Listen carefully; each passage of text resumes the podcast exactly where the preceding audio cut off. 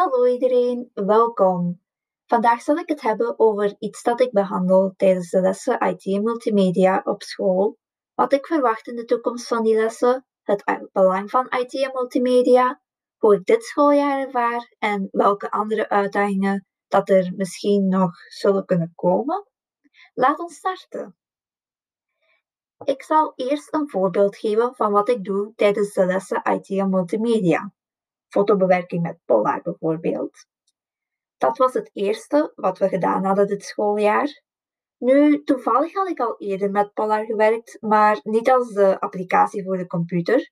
Maar ik had de smartphone-app van Polar al meerdere keren gebruikt. Polar voor je laptop is wel lichtjes anders dan de smartphone-app, maar ik was er nog steeds snel mee onderweg. We kregen ook opdrachten. We moesten bijvoorbeeld 10 screenshots van filmtrailers maken en de emoties van de personages accentueren. Bijvoorbeeld, als er een personage verdrietig is, dan zal ik de foto een donkerblauwe kleur geven. Om eerlijk te zijn, ik zal niet echt weten wat we binnenkort allemaal nog gaan doen bij IT en multimedia.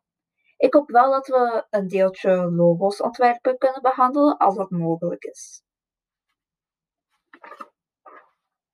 Misschien zul je denken, maar daar ja, maar IT en multimedia lijkt niet schools. Je hebt daar nog niet eens toetsen voor gehad. Wat is daar zelfs het belang van? Ik denk dat IT en multimedia wel zijn belang heeft. Men leeft nu in een digitale wereld en het ziet er naar uit dat het binnen 10, 20, 30 jaar nog steeds niet zal verdwijnen. En ja, dus het is belangrijk dat je daar wel iets mee kunt doen natuurlijk. En je kunt jezelf er ook mee ontdekken. Je kunt bijvoorbeeld ja, een nieuwe hobby ontdekken door IT en multimedia. Misschien vind je fotobewerking nu plots veel leuker omdat je er nu meer over weet en omdat je het nu eens gedaan hebt. En ja, het is dus gewoon heel goed voor je persoonlijke ontwikkeling en het kan wel nuttig zijn voor nu en de toekomst, omdat er een hele digitalisatie is momenteel. Nu, Even genoeg over IT en multimedia. Hoe ervaar ik dit huidige schooljaar?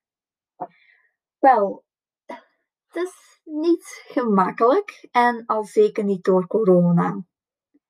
Wij hebben nu maar halftijds les.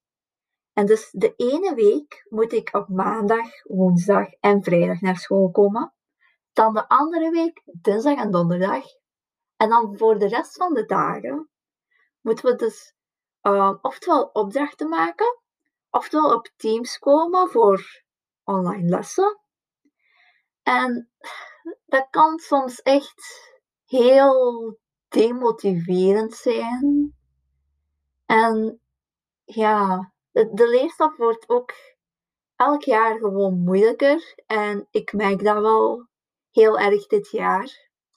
Ik heb uh, ook een buis gehad voor een van mijn examens. Dus ja, het is heel moeilijk om alles goed bij te houden en ja, de hele tijd mee te kunnen zijn, omdat je de, ja, naar school gaan, dat geeft een soort van andere motivatie.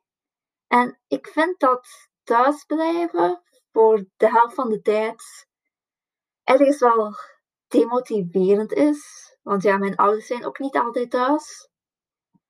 En ja, ik, ik vind het gewoon niet de meest geweldige plek om dan voor ja, een hele dag schoolwerk te kunnen doen.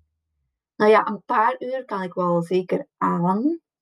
Dan is mijn concentratie nog oké. maar dan, als ik het voor een lange tijd moet doen, poeh, moeilijk. Nou, uh, welke uitdagingen verwacht ik nog?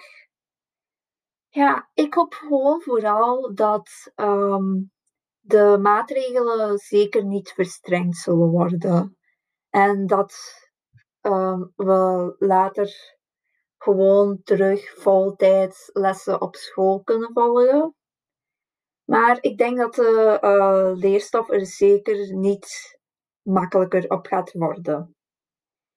Uh, dit was alles wat ik wou zeggen tijdens deze podcast. Bedankt om te luisteren. En misschien tot de volgende, wie weet.